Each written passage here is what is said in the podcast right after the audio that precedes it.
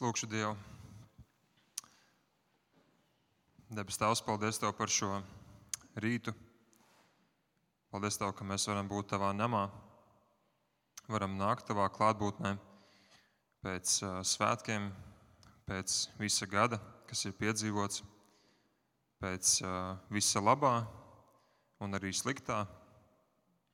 Kungs, kad mēs daudz no mums šajā laikā atskatāmies uz to, kāds ir bijis gads, es Tev lūdzu, ka mēs tajā ieraudzītu Tavu svētību, Tavu žēlastību, Tavu vadību. Un es lūdzu, Kungs, ka šajā brīdī, kad es runāšu no Tava vārda, tad uh, lai tas pieskaras katram vienam, kas klausās, arī man, Kungs, lai tas uh, ir mums par pamatu, kad mēs ejam, izējam no šī gada un ieejam nākamajā gadā. Ja es to es lūdzu Tavā vārdā. Amen. Variet apsēsties.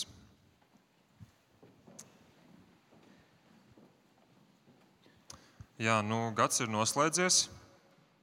Um, visticamāk, ja šogad tu neplāno to darīt, tad vismaz kādu gadu tu noteikti esi atskatījies uz, uz iepriekšējo gadu un tad domājis par nākamo gadu, varbūt nospraudis kādus mērķus vai apņemšanās. Un es arī tā daru, jo trīs gadus uh, jau es esmu tā darījis, ka man ap šo laiku es izprintēju tādu materiālu, kur pusi no tā ir, ka es vēršu savu skatu uz to, kas ir bijis, atskatos, pasakos par labo, atzīmēju to, kas ir bijis, un nu, visu vienkārši pierakstu, izēju cauri kalendāram. Un tā otra puse ir, ka es skatos uz gadu uz priekšu un domāju, nu, ko es gribētu sasniegt, ko es gribētu izdarīt. Un, un tad pēc gada ir interesanti apskatīties, ko tad es esmu rakstījis, ko es esmu domājis, nu, kāda ir bijusi mana doma pirms gada. Un, ja ne gadu mijā, tad nu, noteikti tāpat kaut kur dzīvē mēs saskaramies ar to, ka ir jāatskatās. Nu, iespējams, darbā vai skolā nu, ir kaut kādi atskaites punkti, kad nu, tomēr mēs vēršam savu skatu uz atpakaļ un domājam, nu, kā man ir gājis, kādas ir atzīmes, vai, vai kāda ir peļņa, vai nu, tomēr ir kaut kāds atskaites punkts. Uz tām labajām un priecīgajām ziņām ir viegli, es teiktu, ka ir vieglāk atskatīties, ir vieglāk priecāties par tām un, un tās atzīmēt, un tās var svinēt un, un iemūžināt varbūt. Bet tad, kad ir jādomā par tām grūtajām pieredzēm, tad, tad var rasties jautājums, kāpēc? Kāpēc tas bija jāpiedzīvo? It īpaši, ja tur ir bijuši kādi zaudējumi vai kādas sāpes, ja tā lieta vēl nav atrisināta, tad, tad nu, rodas šie jautājumi, kāpēc tā bija, kāpēc man tam bija jāiet cauri, kāpēc tādi izaicinājumi. Un, ja šis nav brīdis, kad, kad uh, tev dzīvē ir kāds pārbaudījums, tad noteikti nu, pirms kāda laika ir bijis, vai pēc kāda laika varbūt būs kāds mazāks vai lielāks pārbaudījums. Un tā kristiešu dzīve, man liekas, ka vispār kopumā ir kā tāds viens liels pārbaudījums. Tiem, kas skatās no malas, tā nešķiet pievilcīgi. Un kāds nekristietis varētu domāt, nu, nu, kāpēc tie kristieši sevi aprobežo, kāpēc viņi sev nogriež kaut kādas baudas, kāpēc sev dod kaut kādus likumus un labprātīgi izvēlas tādu šaurāku dzīvi. Kāpēc nebaudīt to, ko pasaule piedāvā, Un kāpēc izvēlēties sevi ierobežot un limitēt? Tu varētu sev jautāt, vai maz pienāk tāds brīdis, kad var atvilkt elpu, neuztraukties par neuztraukties un vienkārši nu, plūst un, un nedomāt par sarežģījumiem, nedomāt par tām grūtībām. Vai varbūt tāds prāta stāvoklis, ka varbūt miers un prieks par to, kas ir jāpiedzīvo. Bet uh, es tieši par to šajā rītā gribu runāt. Es gribu jūsos sēt uh, tādu prieku, cerību, tāpēc ka Dievam ir kāds nodoms tam visam. Lai tad, kad tu atskaties uz šo gadu, uz to visu, kas ir piedzīvots, un kad tu izkāp no šī gada ārā, un kad tu iekāp nākamajā gadā, tad tava perspektīva uz tiem pārbaudījumiem iespējams mainītos.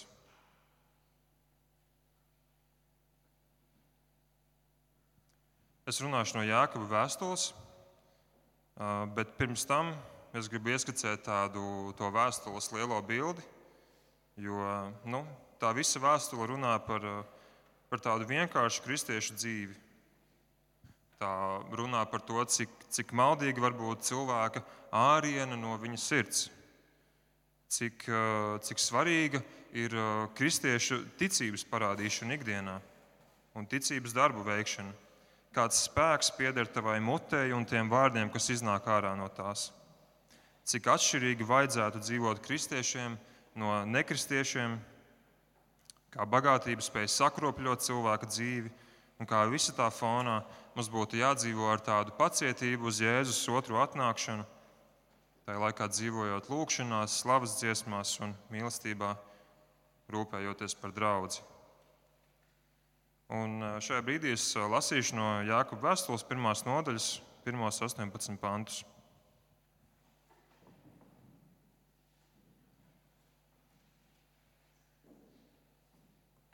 Šodien bijuši daudz tādu lasījumu, man liekas, un, un daudz stāstu, bet man liekas, ka ir brīnišķīgi vienkārši klausīties Dievu vārdu un, un dzirdēt un vienkārši nu, ļaut, ļaut pārdomāties par pār, pārdomām par to visu. Jākapa vēstule pirmā nodaļa no 1 līdz 18 pantam. Jākaps, Dieva un Kunga Jēzus Kristus kalps, 12 ciltīm, kas dzīvo izkaisītas. Esiet sveicināti! Ikreiz, kad pār jums, mani brāļi, nāk daži nedažādi kārdinājumi, uzņemiet to ar vislielāko prieku, saprastami, ka jūsu ticības pārbaudīšana rada izturību Bet izturības piepildījums lai ir tas, ka jūs esat pilnīgi un nevainojami, bez jebkāda trūkuma. Bet, ja kādam no jums trūkst gudrības, lai viņš to lūdz no Dieva, kas labprāt dod visiem, neko nepārmestams, un viņam tiks dots. Lai viņš lūdz ticībā, bez šaubīšanās, jo tas, kas šaubās, līdzinās vilnim jūrā, ko vējš svaida un dzenā. Šāds cilvēks ar sašautu dvēseli, kas nepastāvīgs visos savos ceļos, lai nedomā kaut ko saņemt no kunga. Lai zemes kārtas brālis dižojas savā augstumā, bet bagātais savā zemumā, jo viņš iznīks kā zieds pļavā. Uzausa saule ar savu svēlmu izkautēja zāli. Tās zieds novīta un viss krāšņums iznīk. Tā arī bagātais iznīks savos ceļos. Laimīgs tas vīrs, kas iztur kārdināšanu, jo pārbaudi izturējis, viņš saņems dzīvības vainagu, kas apsolīts tiem, kas mīl kungu. Neviens kārdināšanā, lai nesaka, Dievs mani kārdina, jo Dievs pats nevienu nekārdina. Dievs ir ārpus jebkādas kārdināšanas. Bet ik vienu kārdina viņa paša iekārs, kas to rēsmu pievilina un velk sev līdzi. Tā nu iekāra ieņemdama dzemdē grēku, bet grēks nobiestot dzemdē nāvi. Nekrītiet maldos, mani mīļotie brāļi. Jebkurš labs devums un jebkura pilnīga dāvana nāk no augšienes, no gaismas tēva, kas ir pastāvīgs un nav mainīgs kā ēna. Viņš mūs ir izvēlējies un atzemdinājis ar patiesības vārdu, lai mēs būtu kā viņa radījuma pirmā augļa. Amen. Nu, Jākaps jau savas vēstules sākumā sevi stāda priekšā un viņš saka, Jākaps, Dieva kunga Jēzus Kristus kalps, 12 ciltīm, kas dzīvo izkaisītas. Esiet sveicināti! Nu, divas lietas var saprast pašā sākumā. Mums ir vīrs, kas sako Jēzum un dzīvo savu dzīvi par godu viņam, un viņu sauc Jēkabs. Un lasot citas raksturvietas Bībelē, mēs secinām, ka tas ir Jēzus brālis, Ļoti tuvs cilvēks viņam. Viņš raksta 12 ciltīm, kas pēc uh, vecās derības izsūtīšanas trimdā dzīvo joprojām izkaisīts pa Izraēlas zemi. Tās nebija vienopus, bet uh, tā nebija kā viena draudzene, bet vairākas un dažādās lokācijās. Otrajā pantā viņus sauc par brāļiem. Šie bija pirmie kristieši, jūdi, kas dzīvo dzīvoja tajā zemē, kas tikko bija pieņēmuši kristietību. un ar tādu spēcīgu vecās derības fonu. Viņiem šajā brīdī, kad viņi pieņem jēzu, viņiem ir jāmaina kaut kādā ziņā savs dzīvesveids un viņu perspektīva. Es eh, nerunāšu par visu šo raksturvietu, bet par kādiem pantiem, un, un es tos gribu tā, pa tādām daļām saskaldīt, un tad es atkal viņus salikšu kopā. Jākaps 2. pantā raksta: Ik reiz, kad pār jums, mani brāļi, nāk dažni dažādi kārdinājumi. Pagaidām tur pauze. Viņš jau pašā sākumā viņš, viņš saka, viņš runās par pārbaudījumiem. Viņš saka, ik reiz pie katra pārbaudījuma Katru reizi, katru dienu, pie maziem un lieliem, pie ciešamiem un neciešamiem, pie tiem, kas bija gaidīti un tie, kas bija negaidīti. Viņš saka, pie katra pārbaudījuma, ik reizi, kad pār jums nāk dažni dažādi pārbaudījumi. Jūs varētu jautāt, kāpēc es lietoju vārdu pārbaudījumu? Te ir rakstīts kārdinājumi. Bet šīs nodaļas kontekstā ir vairāk kārt minēti vārdi kārdināšana un kārdinājumi, bet tāpat laikā tiek lietots vārds pārbaude un pārbaudas izturēšana, jo šim vārdam ir šīs divas nozīmes. Tā pirmā parādās 2. līdz 4. pantā un 12. pantā, kas runā par tādu pārbaudi, ka tiek pārbaudīta mūsu ticība, kuras šīs pārbaudas mērķis ir mūs darīt stiprākus, mūs veidot. Un tad no 13. līdz 15. pantam Jākaps runā par kārdinājumiem, kuru mērķis ir mūs novest līdz grēkam. Visa tā atšķirība ir rezultātā. Viens ir no dieva, otrs ir no cilvēka paša. To viņš raksta kristiešiem, jo tie piedzīvos gan vienu, gan otru. Dakopojuma ievadā mēs dzirdējām lasījumu no Mateja evaņģēlīja par Jēzus kārdināšanu, un tur arī parādās šis vārds kārdināšana. Jēzus tika kārdināts. Sātans centās Jēzu apmānīt, Jēzu vilināt uz grēku, bet Jēzus atbild ar rakstiem no vecās derības spēcīgu vārdu. Viņš saka, nekārdini kungu savu dievu. Un šeit tas vārds, kas tiek lietots, ir kārdināt pāri mēram. Jēzus saka, nekārdini mani pāri mēru pārbaudīt pāri robežai. Sātans laikam nebija saskāries ar tādu personu un nezināja, ka viņu nevar kārdināt uz grēku. Jākaps raksta tālāk, viņš saka, uzņemiet to ar prieku. Nē, viņš raksta, uzņemiet to ar vislielāko prieku. Tas nav vienkārši prieku, nu, ka tu esi nedaudz priecīgs, ka tu piedzīvo pārbaudījumu. Viņš saka vislielāko prieku. Un pirmo reizi, kad to lasu, varētu likties, kāpēc? Tas ir baisais uzdevums, ko tu mums lietas priekšā jēkab. Uzņemt šos pārbaudījumus ar prieku, ar atplastām rokām. Un, lai tas būtu tā nedaudz personīgāk, es gribu, ka tu nedaudz to iztēlojies paņem pauzi no tā, ko es tikko sāku skicēt iekšā par grūtībām, pārbaudījumiem, un pamēģini sev atmiņā attaust kādu situāciju, brīdi, atmiņu, kad uh, tu biji priecīgs. Varbūt tev nāk prātā kāda atmiņa, ka tu biji vispriecīgākais savā dzīvē. Arī ja tas bija ļoti sen.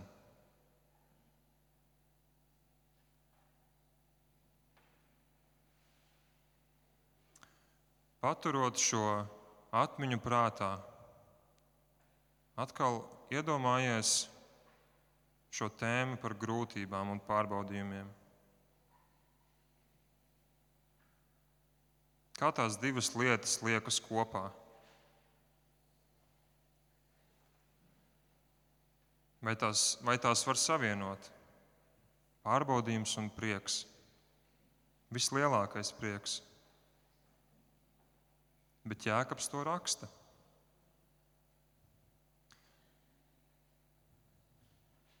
Viņš tālāk raksta pamatu tam visam. Viņš saka, saprastami, ka jūsu ticības pārbaudīšana rada izturību.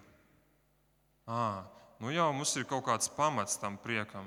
Jo, ja viņš prasītu no mums vienkārši priecāties grūtībās, tad tas būtu slimi. Ir jābūt kaut kādai cerībai, un šeit tā sāk atritināties.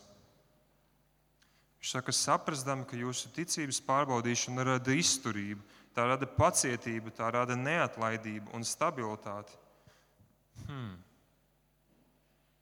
Kad es tieku pārbaudīts, es tieku veidots. Kad es tieku pārbaudīts, es tieku veidots. Šim procesam, šim visam procesam, tām grūtībām, tiem pārbaudījumiem, tiem ir rezultāts. Tie nav lieki, tie nav tukši. Nav tā, ka tam nav pamats. Turētu domāt, kad, kad es izturēšu, kad es tikšu tam pāri, kad pienāks tas, tas gals tam visam, es būšu stiprāks un es būšu noturīgāks, pamatīgāks, stabilāks, pastāvīgāks. Bet tas nav tikai par raksturu veidošanu, tā ir ticības pārbaude. Ticība tiek pārbaudīta, Un Dievs mums dod šos pārbaudījumus, lai mācītu mūs tajos skatīties uz viņu, lai mēs kļūtu pastāvīgāki un nemainīgāki. Šie divi vārdi - pastāvīgs un nemainīgs. Paturiet tos prātā. Vēlāk uz tiem atsaukšos. Jākapis tālāk raksta, bet izturības piepildījums, lai ir tas, ka jūs esat pilnīgi un nevainojami bez jebkāda trūkuma. Piepildījums, kulminācija, aiz kuras vairs nav kritums. Nav tā, ka tu uzkāp tajā kalnā un tad atkal jāiet lejā, bet tas piepildījums izturībai, gala mērķis, tas sižeta atrisinājums, lai ir tas, ka jūs esat pilnīgi un nevainojami, bez jebkāda trūkuma. ir šie, varētu teikt, atsevišķie pārbaudījumi, kura mērķis ir mūsos radīt izturību, un stabilitāti un pacietību. Bet, kad tos visus saliek kopā, tad to kulminācija ir mana un tava pilnība un nevainojamība. Nu, pirmo reizi pastāstiem vārdiem arī nu, šie vārdi liekas līdzīgi - pilnīgs un nevainojams. Bet tikai tāpēc, ka Jēkabs papildina šo vārdu nevainojams, viņš raksta komats bez jebkāda trūkuma, tad tam ir kaut kāda atšķirība. Viens liek domāt, ka cilvēks ir sasniedzis tādu stadiju, ka viņš ir gatavs, viņš ir pabeigts. Otra liecina par to, ka viņš ir bez vainas, viņam nav neviens trūkums, viņam nav, kam, nav pie kā piekasīties. Un tad, kad es gatavojos, gatavojos šim brīdim un domāju par, par šo pantu, man ienāca tāds vienkāršs piemērs prātā. Un šī varbūt būs kā tāda atpūta no domāšanas. Varbūt es vienkārši tajā brīdī biju izsalcis. Es nezinu, cik daudz no jums ir kādreiz dzīvē vārījuši zupu. Es pēdējos mēnešos pāris reizes pamēģināju. Bet šīs divas lietas varētu pielīdzināt zupas gatavošanas procesam. Zupa var būt gatava, tā var būt ielieta šķīvī, viņa ir gatava ēšanai. Bet uh, zupa arī var būt nevainojama. Visi dārzeņi ir sakapāti īstajos izmēros, īstajās proporcijās, gaļa ir labi izvārīta, sāls un piparu čipsnes nav bēris lācis. Ja? Un, un viss, viss ir kā laikā, viss ir ideāli. Buļļons ir labs. Un, Ja vēl rupmaize klāta, tad izcili. Bet var būt viens vai otrs. Zupa var būt ielieta jau šķīvī, prezentēta kā gatava, bet tomēr trūkst cēls. Prasās piemest klāt. Vai arī kāds neapdomīgs pavārs varētu samest visu katlā, visas vajadzīgās lietas, visas vienā laikā, nepilnīgi uzvārīt un lietas šķīvī Gaļa būs jēla, kartupeļs ciets un zupa vienkārši nēdama. Bet nu, labi, mēs neesam uz upes atpakaļ pie mums. Ceru, ka domu sapratāt. Es uh, sākšu likt to domu atpakaļ kopā, ko es tā sadalīju pa daļām. Un Jēkabs raksta tā laika kristiešiem. Viņš raksta arī mums. Un viņš saka, ka tev nāk virsū pārbaudījumi, tad uzņem tos ar vislielāko prieku. Vislielāko prieku, ko tu spēj iztēloties. Ar domu, ka to mērķis ir izkopt mūsos izturību, pastāvību, nelokamību.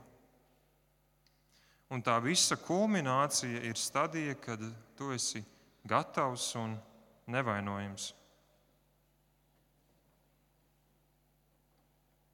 Un tad, kā Jānis atkāpjas no šīs tēmas un runā par gudrību 5. līdz 8. pantam, 9. līdz 11. pantām viņš runā par līgsmību trūkumā un, un bagātību, kas izkaltīs. Un tad viņš tā kā atlec atpakaļ uz 12. pantu, kur viņš atkal uh, saka par šo tēmu. Viņš saka, laimīgs ir tas vīrs, kas iztur kārdināšanu. Jo pārbaudi izturējis, viņš saņems dzīvības vainagu kas apsolīts tiem, kas mīl kungu. Viņš saka, pašā galā tu tiksi kronēts ar dzīvības vainagu, kad šo dzīvi, šo lielo pārbaudi tu izturēsi. Un tas ir apsolīts tiem, kas mīl Dievu. Viņš nesaka tiem, kas, nu, viņš saka tiem, kas izturēs, bet viņš arī saka tiem, kas mīl Dievu. Tātad šīs divas lietas kaut kādā ziņā ir līdzīgas. Izturēt pārbaudi, izturēt šo ticības pārbaudi nozīmē mīlēt Dievu. Kaut kādā ziņā tiek pārbaudīta ne tikai mūsu ticība, bet tā mūsu mīlestība uz Dievu.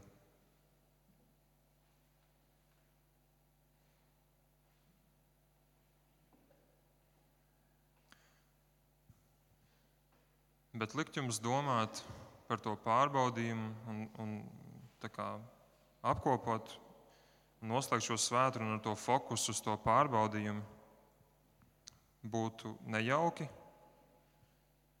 Man liekas, ka esot grūtībās, cilvēks negrib dzirdēt, ka nu, tu tiec pārbaudīts, tava ticība tiek pārbaudīta, tava mīlestība tiek pārbaudīta, saņemies kristieti. Nu, to neviens negrib dzirdēt. Tāpēc no tā pārbaudījuma es gribu atlikt atpakaļ uz, uz to pamatu tam. Un es vienkārši vēlos sēt cerību, prieku. Un, ja šobrīd tev to akūti nevajag, ja tev šajā brīdī to nevajag, tad pataupi vēlākam, pataupi nākamajam gadam iemāci sev, iemā, paturi prātā, iemāci savam prātam. Atgādini savam vīram vai sievai, sievai bērniem, draugiem, ka tam visam mērķis ir tevi veidot dievam līdzīgāku, pastāvīgu un nemainīgu. 5. līdz 8. pants, kā jau teicu, runā par gudrību. Un tur ir teikts, bet ja kādam no jums trūkst gudrības, lai viņš to lūdz no Dieva, kas labprāt dod visiem, neko nepārmestams, un viņam tiks dots, lai viņš lūdz ticībā, bez šaubīšanās. Jo tas, kas šaubās, līdzinās vilnim jūrā, ko vējš svaida un dzenā. Šāds cilvēks ir sašķeltu dvēseli, kas nepastāvīgs visos savos ceļos, lai nedomā kaut ko saņemt no kunga. Tas, kurš šaubās, ir kā jūrā mētāts vilnis, sašķelta dvēsele, nepastāvīgs savos ceļos. Jākaps saka, tāds, lai nedomā kaut ko saņemt no Dieva. Bet tikko viņš teica, ka Dievs dod labprātīgi visiem, kas lūdz. Un viņš raksta, tas, kas lūdz ticībā, bez šaubīšanās, var droši domāt un cerēt, ka viņš kaut ko saņems no Dieva. Tātad šeit tiek runāts par tādu nepastāvīgu, šaubīgu cilvēku. Bet Dievs ved mūs uz kaut ko citu. 17. pāns saka, jebkurš labs devums un jebkura pilnīga dāvana nāk no augšienes, no gaismas tēva, kas ir kāds pastāvīgs un nav mainīgs kā ēna.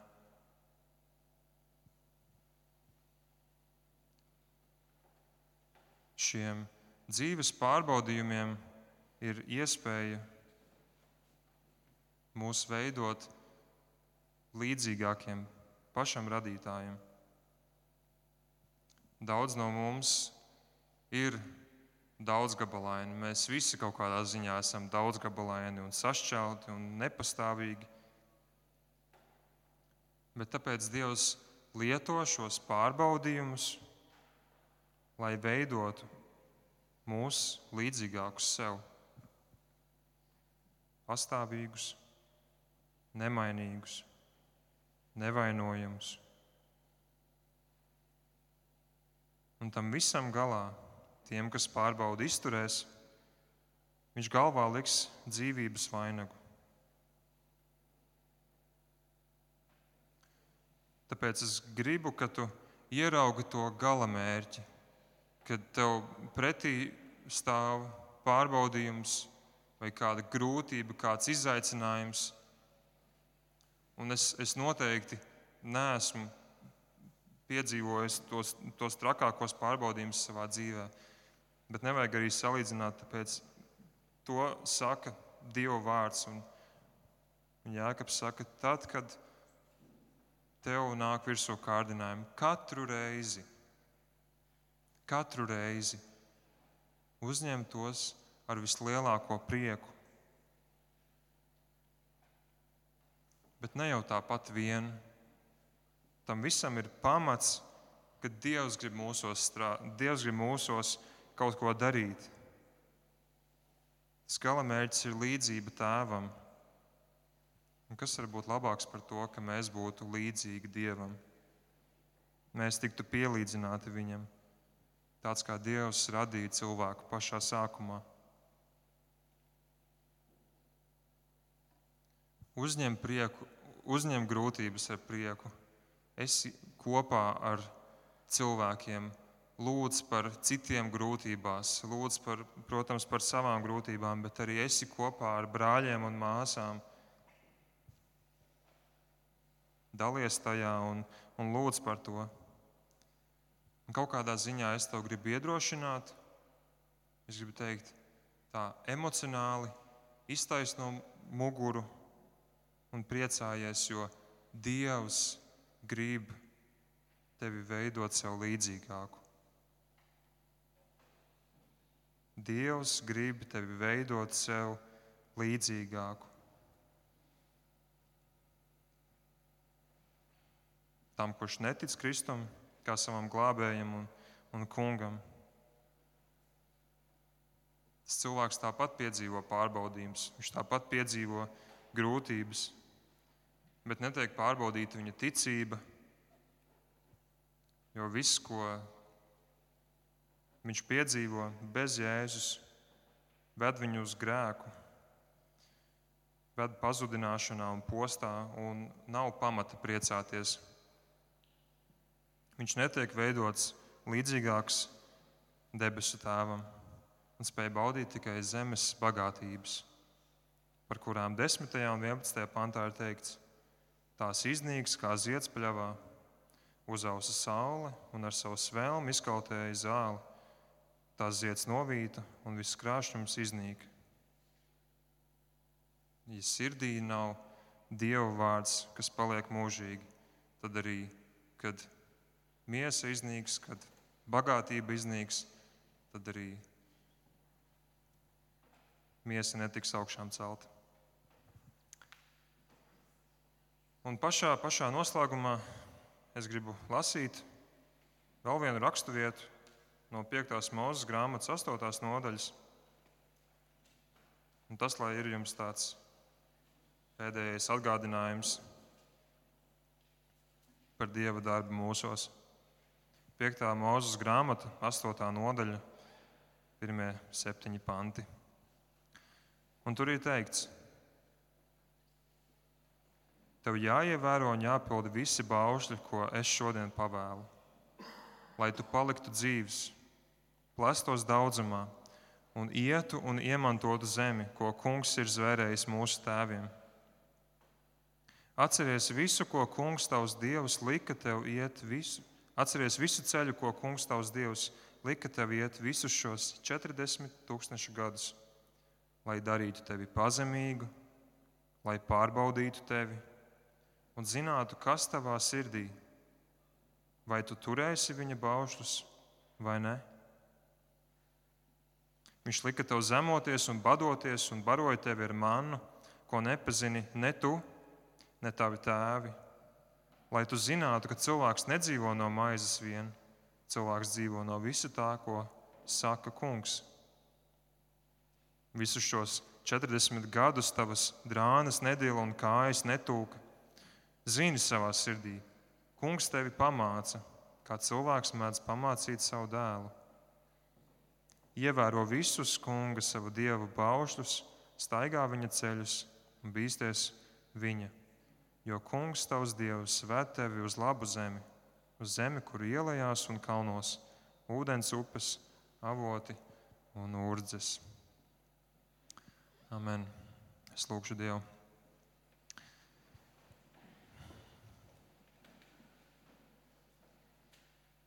Debes Tēvs, paldies Tev par uh, šo tavu vārdu, ko tu mums devi šodien. Es tev pateicos, ka Jēkabs, kurš pats piedzīvoja daudz grūtības savā dzīvē, un pats tika nogalināts par to, ka, tika, par to, ka viņš bija kristietis, viņš rakstīja cilvēkiem, kas uh, dzīvoja izkaisīti, nebija vienopus, kas piedzīvoja daudz dažādas vajāšanas un un badu un trūkumu. Viņi nebija mīlēti, viņi nebija brīvi. Un Jēkabs šiem brāļiem rakstīja, lai to visu viņi uzņem ar prieku, jo tu vēlies darīt darbu pie viņiem, un tu arī vēlies šo darbu darīt pie mums. Es tev Dievs lūdzu, ka tad, kad mēs atskatāmies uz šo gadu un pateicamies par labo, un priecājamies un svinam to, ka mēs arī priecātos, spētu priecāties par to slikto, kas ir bijis, un, un tiem pārbaudījumiem, kas ir piedzīvoti. Ar ticību, ka tu gribi mūs veidot. Un es tev lūdzu, ka ieejot nākamajā gadā, mēs šo patiesību varētu paturēt savā prātā, kad mēs ejam dzīvē, ka mēs to varētu paturēt sev un dalīt arī citiem cilvēkiem. Es to lūdzu tavā vārdā. Amen.